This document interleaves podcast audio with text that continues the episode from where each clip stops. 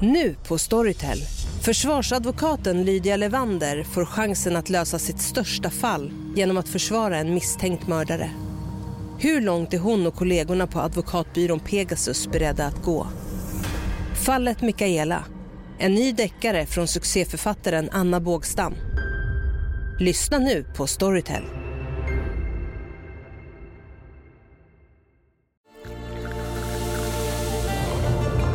Välkommen till Maccafé på utvalda McDonalds restauranger med Baristakaffe till rimligt pris. Vad sägs om en latte eller cappuccino för bara 35 kronor? Alltid gjorda av våra utbildade baristor. Hej Sverige! Apoteket finns här för dig och alla du tycker om. Nu hittar du extra bra pris på massor av produkter hos oss. Allt för att du ska må bra. Välkommen till oss på Apoteket.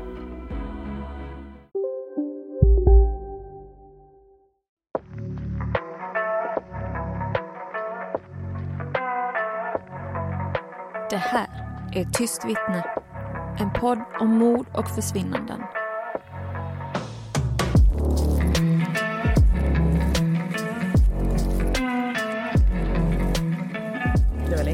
Så länge sedan! Hej och välkomna tillbaka till Tyst vittne med Jenny och Alex. Woop, woop. Och vi är faktiskt här båda två idag. Äntligen. You lucky people. Mhm. Idag så vill jag först och främst innan jag går vidare kolla läget med dig Jenny, för det var ett tag sedan. How are you doing? Bra. Hur är det själv? Som vanligt. Okej, okay, brace yourselves. Eh, nej, snälla ta en sån ehm, eh, offentlig version liksom så här Mm. för flertalet människor. Jag vill öppna mig. Nej, vi har inte tid, men det är inte det vi ska snacka om. Om mina tankar. Åh gud. Nej, alltså helt ärligt, det är bra. Ja. Det är medel, typ det är höst. Så det är lite så, åh. Men så Mm. samtidigt så är jag jätteroligt i skolan och jag känner att jag har så mycket som händer runt mig som gör mig glad. Mm. Så på det viset så känns det ju bra. I could need a date. ja, och vinna på Lotto. Och vinna på Lotto. Men Mm. först och främst en dejt. Ja, du tar det i den ordningen. Nej men alltså, typ jag tänker mig en person som eh, inte lurar mig. Ja. inte håller på med dumheter, inte går bakom mig, inte lämnar mig. Inte- Ja, och inte tiden. prata med andra. Inte pratar med andra kvinnor, inte Ja. otrogen, inte bedra. Ni vet. Bara några Bara krav. Liksom. grundläggande. Ja. Så Men- skicka DM om ni vill eh, så kan jag sålla ut det för att Alex kan inte välja själv. Det blir inte bra. I alla fall. Jag är jättedålig på att välja ut mina män. Ja. Mina män. Vill Ja, men en, alltså bara en i en. taget men du är dålig på att välja dem en i Exakt. taget. Exakt, och det är allt ni behöver veta om mig just nu. Och med det sagt ska vi gå in på dagens avsnitt innan det här blir riktigt awkward. Det har redan blivit. Dammit. Okej, vi ska prata vidare om Gabby Petito. Så är det rätt? Ja, det gjorde det. Petito. Innan sa jag Petito. Jag Gabby visste Petito. inte. Så helt plötsligt blev jag brittisk. Jag fattar inte vad som hände. Nej. Men, Men, det är eh, Gabby Petito Ja, och Brian Laundrie. och det finns en del 1 och del 2 Mm. av det här fallet. Vilket innebär att ni som inte har lyssnat på det bör gå in och lyssna på dessa först för att hänga med. Ja. Och idag är det del 3. Ja, och då ska vi bryta ner lite vad som har hänt. Eftersom vi spelade in ettan och tvåan var för sig. Så kan vi diskutera lite igenom idag och sen så ska vi snacka om vad som har hänt efter, vad vi tycker om vissa beteenden Ja. och vad som händer i nutid. Vi har åsikter, helt Ja. enkelt. Mm. Men vi kan väl börja med att eh, bara snabbt dra igenom väldigt, väldigt, väldigt kort vad det handlar om. Eh, 22-åriga Gabby var ju ute på en roadtrip med sin pojkvän Brian, Mm, som vi hatar. som vi inte tycker om. Har väldigt starka inte tycker om-känslor för. Och eh, helt plötsligt slutade hon höra av sig till sina föräldrar och vänner. Hon slutade uppdatera på sociala medier. För hon hade ju tänkt eh, starta en blogg och tänkt eh, ha sociala medier kring hennes då roadtripresa, alltså van life. Mm, och hon uppdaterade Instagram väldigt eh, regelbundet. Med superfina bilder och så. Tills en dag när hon inte gjorde det längre. Precis. Och då kunde helt plötsligt inte hennes föräldrar få tag på varken henne eller Brian. Mm, som helt plötsligt dök upp hemma i Gabbys van utan Gabby. Precis. Så han körde hennes van hem till sina föräldrar. Och varken hans föräldrar eller han meddelade Gabbys föräldrar om det här eller att hon var borta. Mm. Eller att han hade lämnat henne där för att de ville ha det så. Han, han sa bara ingenting. Nej, han tog hennes van och hennes kontokort som han använde Just och drog. Mm. Och sen eh, fick ju inte föräldrarna tag på eh, någon helt Nej. enkelt och då anmälde de henne försvunnen helt enkelt. Ja. Och man sökte ett tag mm. tills man hittade hennes kvarlevor och ja. kunde konstatera att hon hade mördats genom strypning. Och när det här händer då så försvinner ju Brian, eller precis innan. Mm. man söker efter honom ganska länge. Mm. Och till slut så hittar faktiskt hans pappa en ryggsäck och tillhörande mm. ja, ägodelar eh, till Brian. Ja, och det var ju också lite sass som man säger i dagens ungdom. Mycket märkligt. Eh, väldigt eh, convenient att, eh, och konstigt att det var han som hittade det. För att vissa tror ju, eh, inklusive vi, att hans pappa visste hela tiden var eh, de här grejerna låg. Någonstans. ja, att det, ja precis. Mm. Och man hittade också då skelett, äh, skelett ja. där i närheten av de här mm. ägodelarna. Och man mm. kunde konstatera att det var Brian till ja. slut då. Så han hade skjutit sig själv i huvudet, det var självmord, mm. kom man fram till. Och efter det här så visade ju polisens utredning att det är i princip uteslutet att det skulle kunna vara någon, någon annan som har tagit eh, Gabbys liv. Precis. Och den här utredningen kommer ju avslutas på det viset. Det vi glömde nämna var ju att han lämnade ju faktiskt ett självmordsbrev, som mm. man kan kalla det. Mm. Anteckning, brev, mm. whatever, där han faktiskt beskrev hur han då skulle ha tagit livet av henne. Ja, men han skrev, ja, han skrev ju att det var liksom typ en tjänst till henne. För hon, han hörde ett plask hur nu det skulle kunna ge henne sådana skador, som ja. han sa då. Att uh, han gjorde det för att hon ville inte ha ont mer. Ja, hon hade skadat sig när de var ute och vandrade. Mm. Och sen så kunde han inte hjälpa henne, han mm. kunde inte eh, ge sig iväg för att skaffa hjälp i heller, utan det, det, det sista han var, det kom fram till då, det var mercy killing, mm. som man kallar det. Mm. Det är helt enkelt att eh, man avslutar personens liv för att den personen ska sluta lida. Ja. Det finns ingen hjälp. Bullshit. Ja, så är det ju. Eh, men i alla fall. Jag har en rättelse från förra avsnittet bara. En yeah. liten kort. Eh, och det var inte under denna resan som de gjorde nu som han friade. Utan det var på en tidigare resa de gjorde. Jag förstår, Året då miss, missuppfattade jag det och blandade så ihop resorna. Ja, men om folk visste det sen innan så behöver ni inte säga det till oss för vi vet. Ja, Jenny hon vet.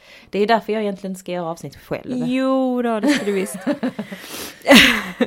Men eh, jag tänkte vi ska diskutera lite vad föräldrarna höll på med under tiden som Gabby var försvunnen och Brian hade återvänt hem Vilka utan föräldrar? henne. Vems föräldrar? Brians. Brians föräldrar. Det var de som höll på med konstigheter. Yes. Så Brian äh, återvände hem utan Gabby den 1 september 2021. Och när allmänheten inte kunde lokalisera Brian då han inte syntes till eller sa ett ord till någon så samlades då folk utanför föräldrarnas, föräldrarnas hus i Florida för att kräva svar då om var hon fanns. Så dag ut och dag in så var det en folksamling utanför hemmet och där de liksom ropade tillsammans Where is Gabby? Where is Gabby? Alltså hela tiden de hade skyltar och grejer och det var ett jävla liv. Vad gjorde föräldrarna då? Jo, de levde vidare som vanligt.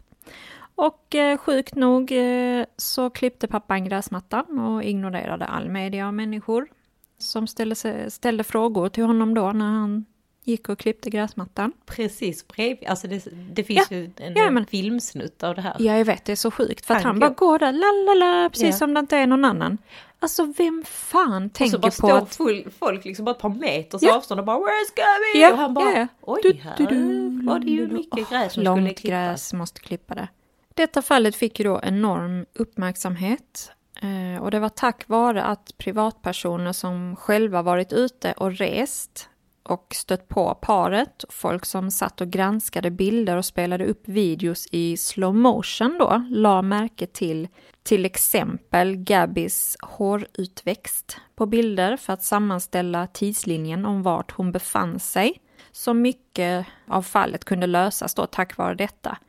Och det fanns bilder på Roberta och Chris när de genomför då också trädgårdsarbete hemma i trädgården i Florida. Inte bara gräsmattan, utan de, det var ju viktigt att göra andra grejer också i trädgården när Ja, och det är Robert, kaos. ja, Roberta och Chris det är ju Brians föräldrar. Exakt, Brians föräldrar. Föräldrar? Föräldrar. Yeah, I'm so international. Och under den här tiden då när allmänheten inte kan hitta Brian så gräver de, eh, eller de grävde då i en rabatt eh, där de har planterat blommor och så. Och bilderna på detta granskades av då internetdetektiver eller hobbydetektiver. Vad var det vi var en gång? Vi var hobby... Oh, Vi hobbydiagnostiserar folk. Ja, vi hobbydiagnostiserar folk. Och då hobbydetektiver online som är sjukt grymma på faktiskt eh, undersöka grejer. Ja. Ja. Och det är då privatpersoner, ska jag översätta det till också. eh, och då såg de detaljer då i den här rabatten som vissa såg som att det liknade Brians huvud sticka upp. Och andra såg det som en hand. Och det spekulerades då hej vilt att det skulle vara en underjordisk bunker som Brian gömde sig i. I, den här rabatten. föräldrarnas trädgård. Ja. Och vi kommer lägga upp bilder på detta. Eh, och det har till och med gjorts ritningar då på hur bunken skulle kunna se ut inuti och hur han skulle kunna ligga i den. Alltså det är Wow. liksom verkligen down to every single detail. Och bara för att reda ut, Ja. när skulle det här ha varit då som han ska ha gömt sig där i så fall? Eh, när han kom hem Från att ha lämnat? från eh, roadtrippen då och det hade gått några dagar efter eh, att ingen visste var Gabby var. Ja, precis. Så, så det var i princip då när hon hade försvunnit Ja. och han hade åkt hem till sina föräldrar i hennes van. Ja, Och han var där hemma precis. och svarade inte Gabbys föräldrar när Ja. de ringde. Ja, Ja, under den perioden tror Ja. man att han har gömt sig Mm. där. Jag förstår. helt galet. Men eh, ja, folk vill ju bara lösa det så de granskar ju allt och då ser ju allting misstänksamt ut. Ja, det är sant. Och Mm. det kanske är då man faktiskt också hittar någonting. Exakt. När allting Ja, går för hur, och hur normalt är det att eh, det är sån kaos runt, alltså Gabby och Brian bodde ju hemma hos Brians föräldrar. Och de har ju varit tillsammans några år liksom. Och hur kan man då gå runt och peta i trädgården när hon är försvunnen? Alltså det pekar ju bara på att de vet. Ja, men så tycker jag också att det är märkligt med tanke på den cirkusen som Ja. Mm. befann sig precis utanför deras trädgård. Så tycker jag det är märkligt att de skulle sitta där ute och göra en massa hemligheter i trädgården. Alltså, jag förstår inte hur de skulle kunna komma undan med det. Nej, de var 24-7 bevakade. Ja. Alltså från några meters avstånd. Ja.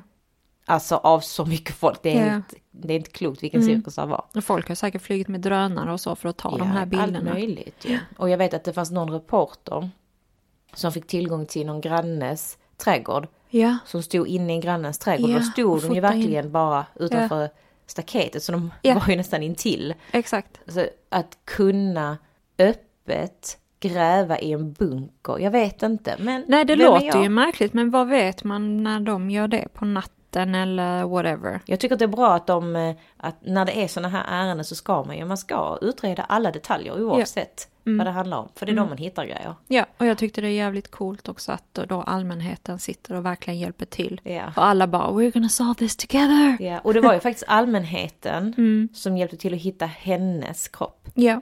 För att man hade sett på, det var någon som hade varit ute och rest Mm. Och filmat när de var ute och körde och så hade man råkat filma Gabbys van. Ja, som stod där längs med vägen. Och då gick man dit och letade där och så Mm. hittade man henne. Som ni vet då så svarar ju inte någon i familjen Laundry på eh, familjen Petitos frågor om var deras dotter befann sig och de sa inte ett enda ljud. Och detta ledde då till att den 11 mars i år att Gabbys föräldrar har stämt Brians föräldrar på 30 000 dollar för mental anguish, alltså mental plågsamhet kan man säga, smärta Ja. vad de har utsatts för under denna tiden. De påstår att föräldrarna då hjälpte Brian dölja spåren efter dotterns mord och planlade att Brian skulle kunna fly landet. Stämningsansökan innehåller också påståenden, eller då information, om att när familjen Laundry åkte på semester med Brian efter att han hade kommit hem, de åkte och campade tillsammans, att de totalt ignorerade Joe och Nicole, vilka är då eh, Gabbys föräldrar. De ignorerade deras vädjande om hjälp att hitta deras dotter. Inte bara det att Roberta blockerade, alltså Brians mamma blockerade Nicoles telefonnummer och Facebook för att undvika dem. Stämningen lämnades in i mars månad och familjen Petitos advokat Richard B. Stafford lämnade då ett uttalande som följer.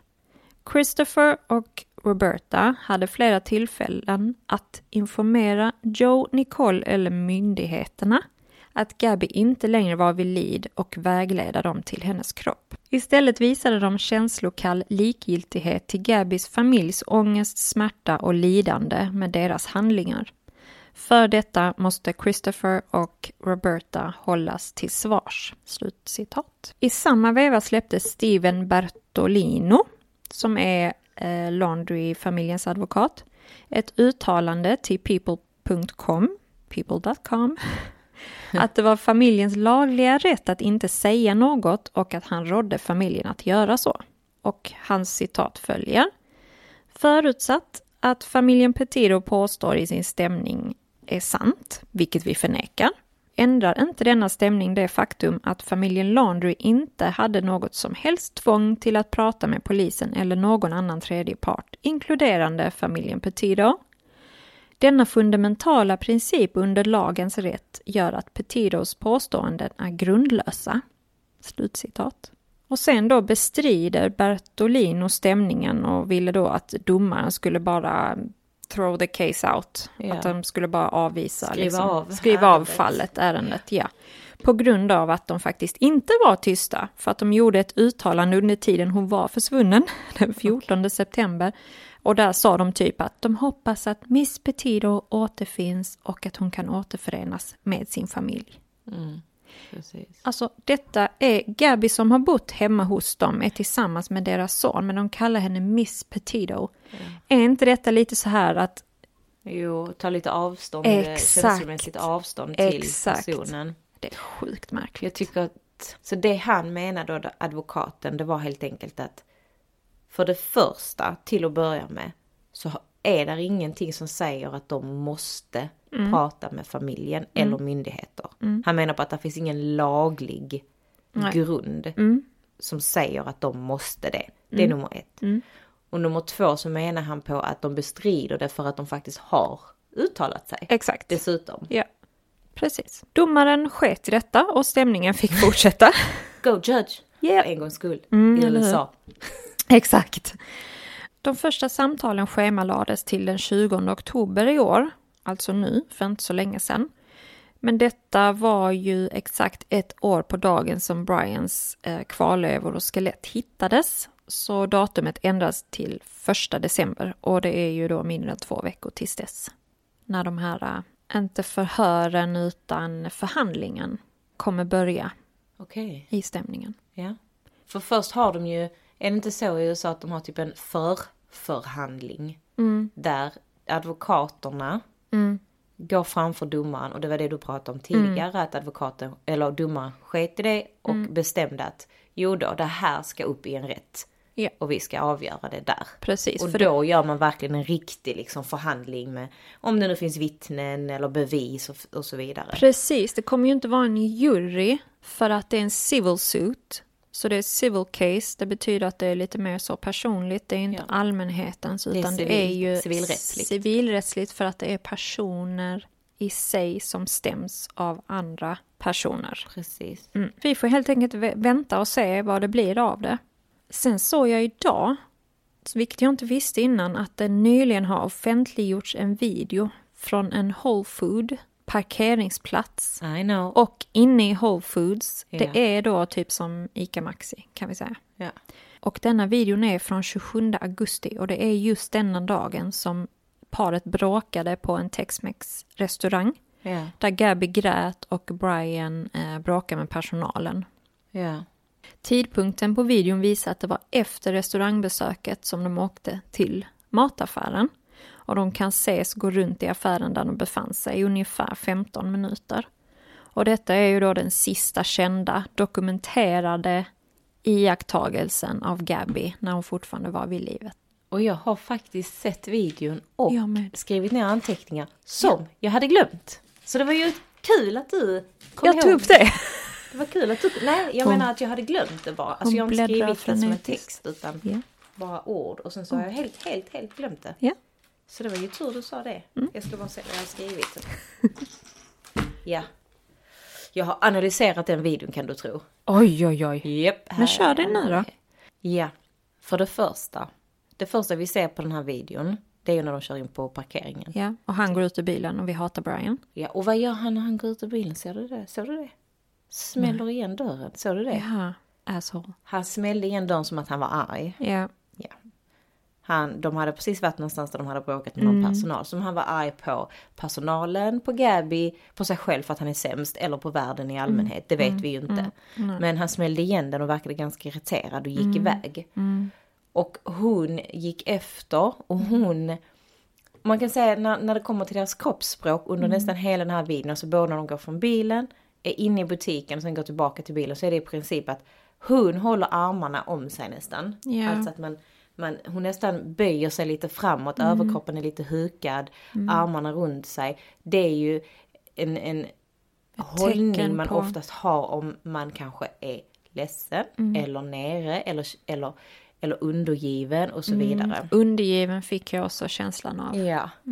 Och sen eh, Brian, för det första, alltså går han runt med sina solglasögon in i butiken. Det är big no-no i min värld, tycker jag. För att det tycker jag visar på någon som försöker ta avstånd ifrån någonting.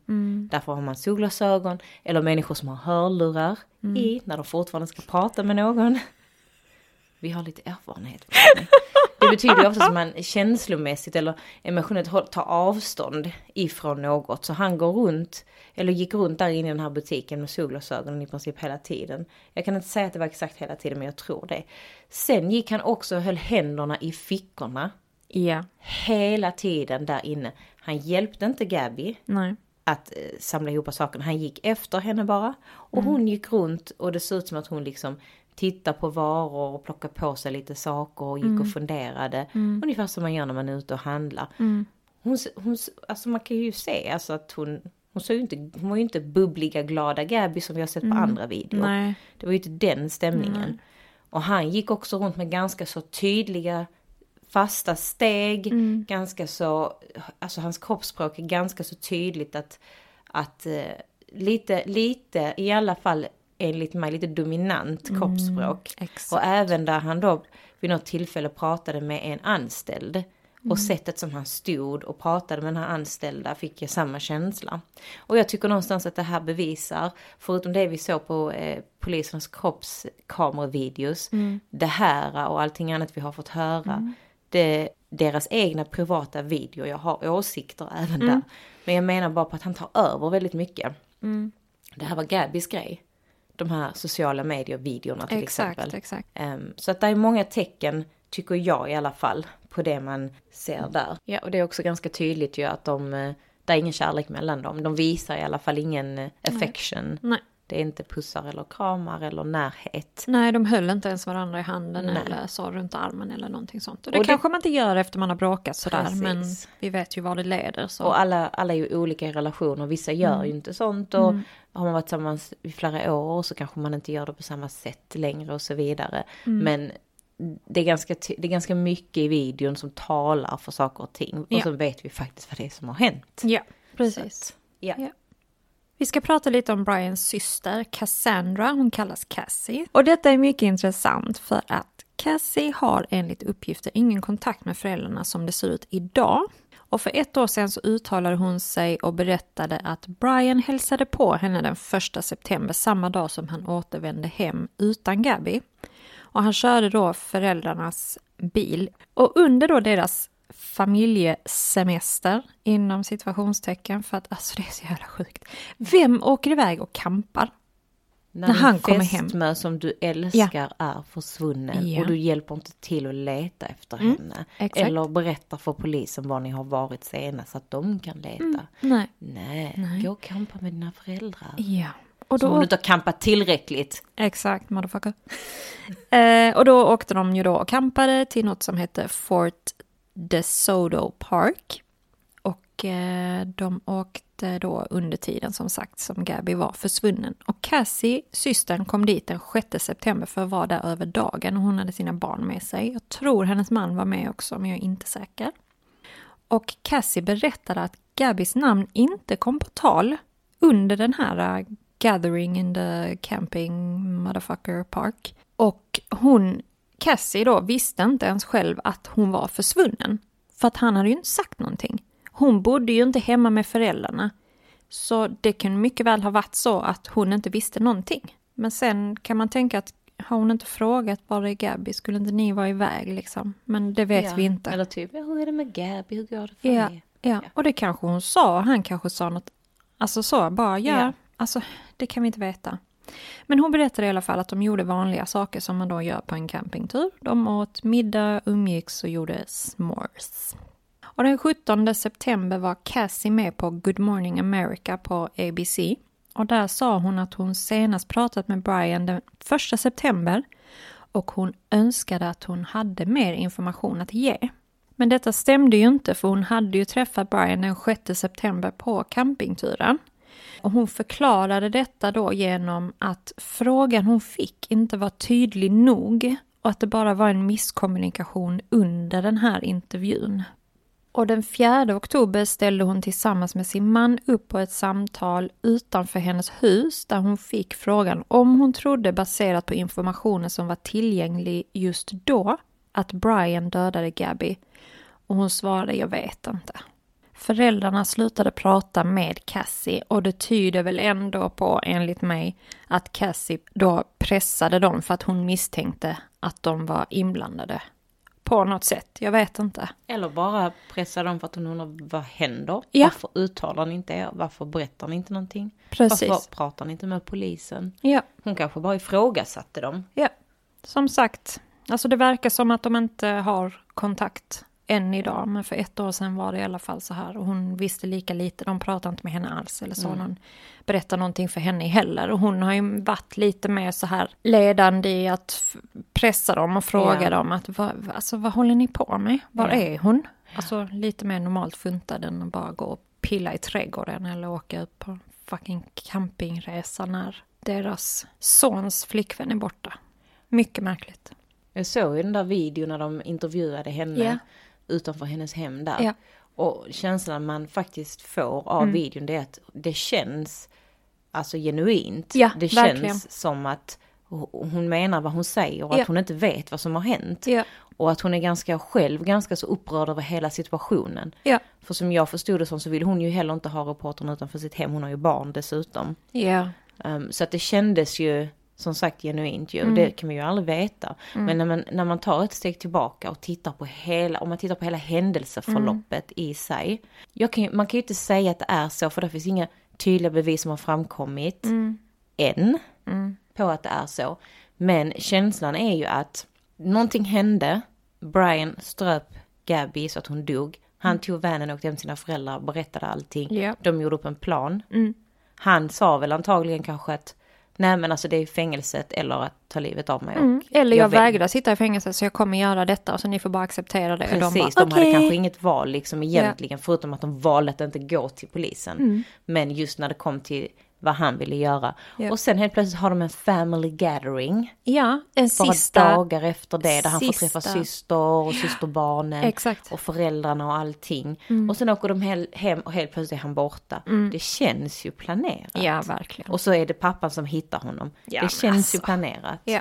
Men det finns inga bevis som faktiskt kan säga att det var så det var. Den 3 november så stämde Gabbys föräldrar Moab poliskår för vållande till annans död. Och Moab poliskår är ju där de här poliserna var anställda vid tillfället när man stoppade Gabby och Brian i den här vanen den 12 augusti förra året. Och det är där också som man har då en video från en av polisernas, eller två av polisernas, båda polisernas kroppskameror, för det var bara två poliser, och två eh, park rangers. Ja. I den här stämningen kräver familjen 50 miljoner dollar i skadestånd. Och man namnger också de två polismännen som utförde den här kontrollen som en del av stämningen. Man anser att polismännen borde ha sett tecken på våld i nära relation och på så vis kunnat rädda Gabby. Det framgår också av stämningen att man anser att en av polismännen, Officer Pratt, var partisk med Brian. Anledningen till att man anser det, förutom det ganska, de ganska självklara tecknen som man ser i videon, när han står och broar med Brian. Ja. Jag vet inte om man kan säga broar, men i alla fall vä- blir vän med honom. Märklig, väldigt märklig relation skapar han. Exakt. Det framgår också av den här stämningen att man anser att en av polismännen, Officer Pratt, var partisk med Brian. Och anledningen till det här är då, förutom det vi ser på själva videon själva, när han står och broar med Brian, är att enligt vittnen som har kommit fram så ska Officer Pratt tidigare ha hotat en tidigare flickvän, alltså en före detta flickvän.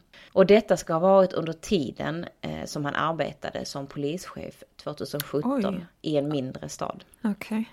Den här tidigare flickvännen har nu då också uppgett att Pratt, eh, som vid tiden träffade flera olika kvinnor, hotade henne när hon sa att hon skulle avslöja deras relation. Alltså, hon hade väl kommit på då att det fanns fler kvinnor och så skulle hon då avslöja för de här kvinnorna att det fanns fler kvinnor, helt enkelt. Och Pratt ska då ha stoppat henne när hon var ute och körde bil. Och när det här stoppet skedde så hade hon med sig sin bebis i en eh, eh, bilstol i baksätet. Han ska ha använt en polisiär ljusanordning på sin privata bil, alltså antagligen en sån här eh, saftblandare eller lampa som du kan sätta på taket. Eh, den kan du ju koppla egentligen till ett cigarettuttag. Ja, ja, ja. Så att han har ju Precis. kanske tagit det från, du kan köpa sånt i affärer och på Ja. nätet men han kanske har tagit en sån från jobbet. Men i alla fall det var hans privata bil. Han sa åt kvinnan att han skulle döda henne med hjälp av en kofot. Det här då ska kvinnan också ha berättat om för sina arbetskollegor och vänner. Och det ska hon ha gjort då 2017, alltså vid tid när det ska ha hänt. Så det är inte bara nu. Nej, nej. Och det är ju ganska viktiga vittnen för att då blir det ju inte som att hon har hittat på det Nej. här nu för att han har hamnat i media utan det här har hon faktiskt pratat om redan 2017. Kvinnan pratade även med borgmästaren i den här staden. Eh, Han heter Dustin Deaton. Det var han som utsåg Officer Pratt till polischef i den här mindre staden. Jag valde att inte ta in namnet på staden för att det blev så rörigt Ja. med alla namn och områden. Ja. Men det var en annan stad än där han jobbade nu senast alltså. Borgmästaren utsåg då Officer Pratt till polischef i den här staden. Och kvinnan pratade med borgmästaren och berättade att det här hade hänt. Och då hade han frågat henne, okej, när han hotade dig, hade han polisbil? Nej. Hade han sin uniform på sig? Nej. Okej, tänkte borgmästaren, det här har ingenting med polisen att göra. Det här är privata angelägenheter. Så det får ni lösa. Och han tog beslutet då att inte gå vidare med det här inom själva polisen, att inte utreda Ja. för polisens räkning. Det blir ju två grejer här. Det blir ju ett hot mot kvinnan. Ja. Men sen blir det ju också någon form av tjänstefel eller, Ja. eller typ att man utreder om personen är lämplig att vara polis Mm. när personen springer och hotar folk på sin fritid. Wow, men det var på fritiden så då, mm, nej. Det räknas inte. Wow. Den här borgmästaren ska också ha uttalat sig nu då att han stöttar Officer Pratt och att han tycker att han gjorde rätt i det här stoppet då av Gabby och Brian. Han menar på att han gjorde det lika bra som vem, vilken annan polis som helst skulle ha gjort. Yeah right. Bra borgmästare. Jag tänker så här. Jag då som har erfarenhet av att vara polis eftersom jag är polis. Eh, om jag har en kollega som prylar sin fru hemma eller hotar sin fru och sen åker han med mig så åker vi hem till en kvinna som har fått spö. Alltså det är ju otroligt omoraliskt. Jag skulle aldrig i mitt liv kunna arbeta med en kollega som har gjort någonting sånt. Eller som, alltså Ja, och sen då samtidigt står och blir polare med mannen i hemmet. Alltså, Alltså, det är ju samma sak. Ja, Det är groteskt, Ja, det är det är äckligt när man har all den här informationen och sen går du och tittar på den här videon med kroppskamera. och säger bara, Och han pratar, åh nej, nej jag kan Nej. inte. Mm. Jag kan inte, jag blir bara så irriterad. Så det är i alla fall det här då som man pratar om i den här stämningen av självaste poliskåren. Och, och det som familjen Petito har sagt det är ju att skulle de vinna den här stämningen och få det här skadeståndet ska ju pengarna gå till deras stiftelse. För de har skapat en stiftelse i Gabi Petitos namn. Och den här stiftelsen är till då för att hjälpa offer för våld i nära relationer, hjälpa till vid försvunna personer och de förespråkar bättre utbildning för polis. Och även förändringar själv, själva hur vi kulturellt sett ser på våld i nära relationer. Vi ska vara mer öppna liksom. Så det är det den här stiftelsen då står för. Det man också har nämnt, om man då tittar på den här äh, videon från kroppskameran, så är det ganska tydligt att en av poliserna där då tydligt går igenom varför Utah, där det här hände, mm. har de lagarna de har vid våld i nära relationer. Alltså att poliser själva inte får lov att besluta om man ska gå vidare med ett ärende eller inte när det handlar om våld i nära relationer. Mm. Alltså, de ansåg att Gabby var den som hade startat tumultet, det var hon mm. som var Eh, den misstänkta personen i det här ärendet. Och Brian var offret. Och Brian var offret. Det är ju det beslutet de tog där på platsen. Mm. Vilket innebär att enligt lagen där så borde hon ha gripits. Exakt. Och det gjorde man inte. Mm. För att hon var ju så liten och söt. Hon kunde ju egentligen inte skada honom. Hon kunde ju inte skada honom. Och det är också mm. en sån sak som är helt otroligt. Att man mm. ens, ja. Mm.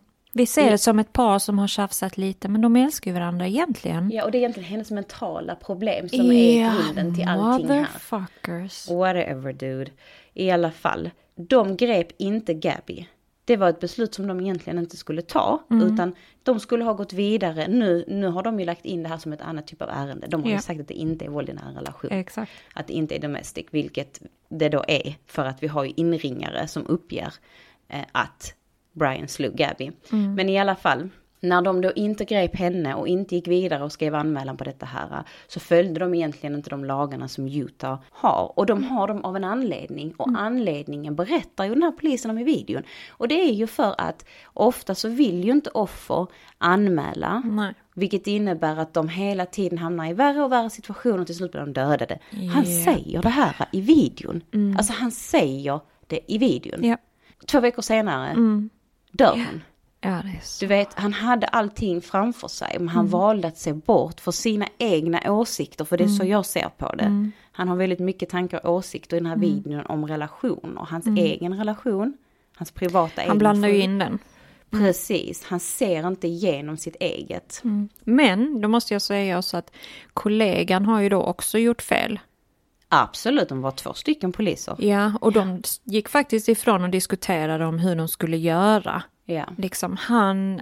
Men kollegan var under träning, var under utbildning. Ja, det är bull Och alltså. Officer Pratt var mm. hans eh, vad ska man säga, mentor, mentor handledare. Ja. Då uh, fattar jag om han inte vågar säga ifrån. Alltså Klart så. man inte gör. Men nej, oh, Man jobbigt. hör ju hur han, Officer Pratt, hela tiden försöker hitta en väg ut för mm. att slippa yeah gripa henne och slippa pappersarbetet och mm. slippa gå igenom hela den vägen. Mm. Och det sista han till slut gör det att han, för det första så pratar han på det sättet, sen så säger han till den här stackars polisen under utbildningen att vet du vad, tar du beslut, här har du din chans att få lov att ta ett beslut. Yeah. Tar du detta, ganska komplicerade beslut eftersom han har liksom mm. hållit på mm. som han har gjort. Mm.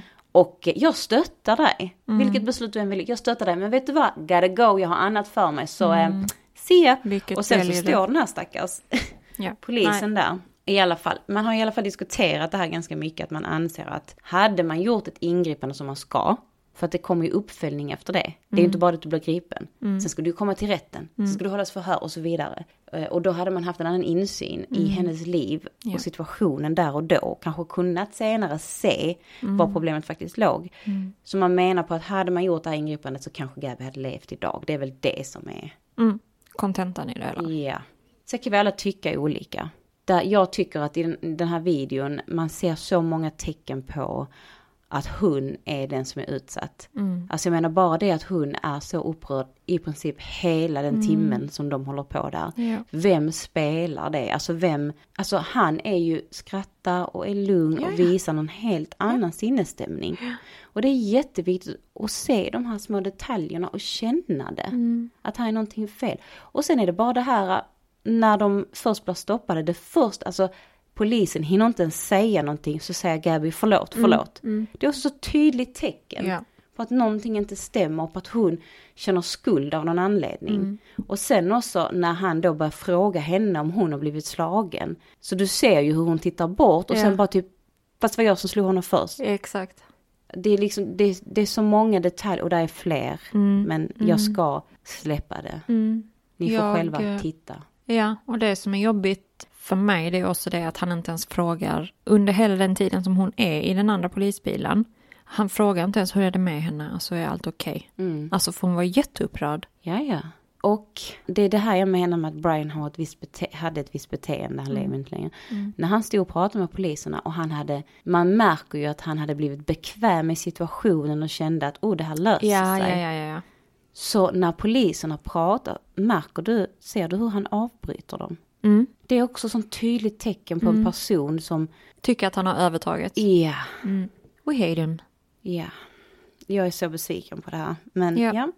Det är viktigt att vi hjälps åt att se tecken på våld i nära relation. Och våld i nära relation är inte bara att Fysiskt våld. Exakt, det är emotionellt och psykiskt våld och lång tid av manipulation som får en annan person att bli i underläge i Ja, en relation. nedbruten. Sånt är också viktigt att hålla ögonen öppna för. Mm. Var det det vi hade? Det var det vi hade. Det var det vi hade. Jag antar att vi kommer återkomma i framtiden med hur det gick i stämningen. Ja, båda två. Båda stämningarna. Mm. För det kommer bli intressant att se. Ja.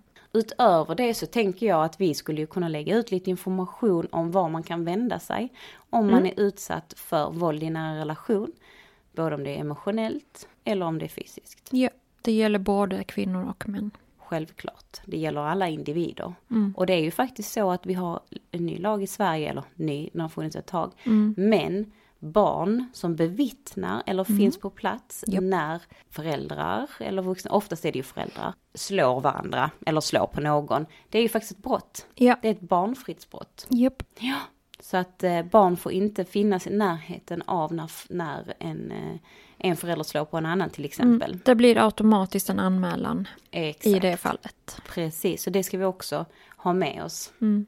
Och är du utsatt för våld i din relation, tveka inte på att höra av dig till de personer eller de organisationer och myndigheter som vi kommer att länka till eller skriva upp på våra sociala medier. Det finns hjälp att få, du är inte ensam.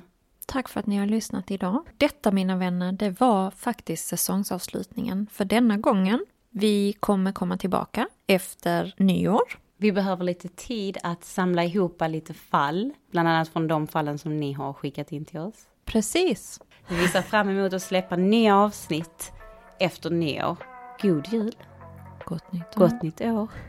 Glöm inte Lucia! Första advent nästa vecka. Första advent. Holy shit balls. Vi har alla mycket för oss nu. Ja. Yes. Tack för att ni har lyssnat. Tack så mycket. Ta hand om er. In på sociala medier. Det är din grej. Säg det. Ja, glöm inte att följa oss på sociala medier. Tyst vittne the podd, både på Instagram och Facebook. Lämna gärna fem stjärnor där ni lyssnar om ni tycker om vad ni gör. Ni gör? Ja då. Jag är trött nu. Nu måste jag gå och laga mat. Ja, jag måste gå och eh, duscha och sånt. Mm. Hygien vet ni, viktigt tydligen. Där ser man. It's Nej, frowned upon to not shower.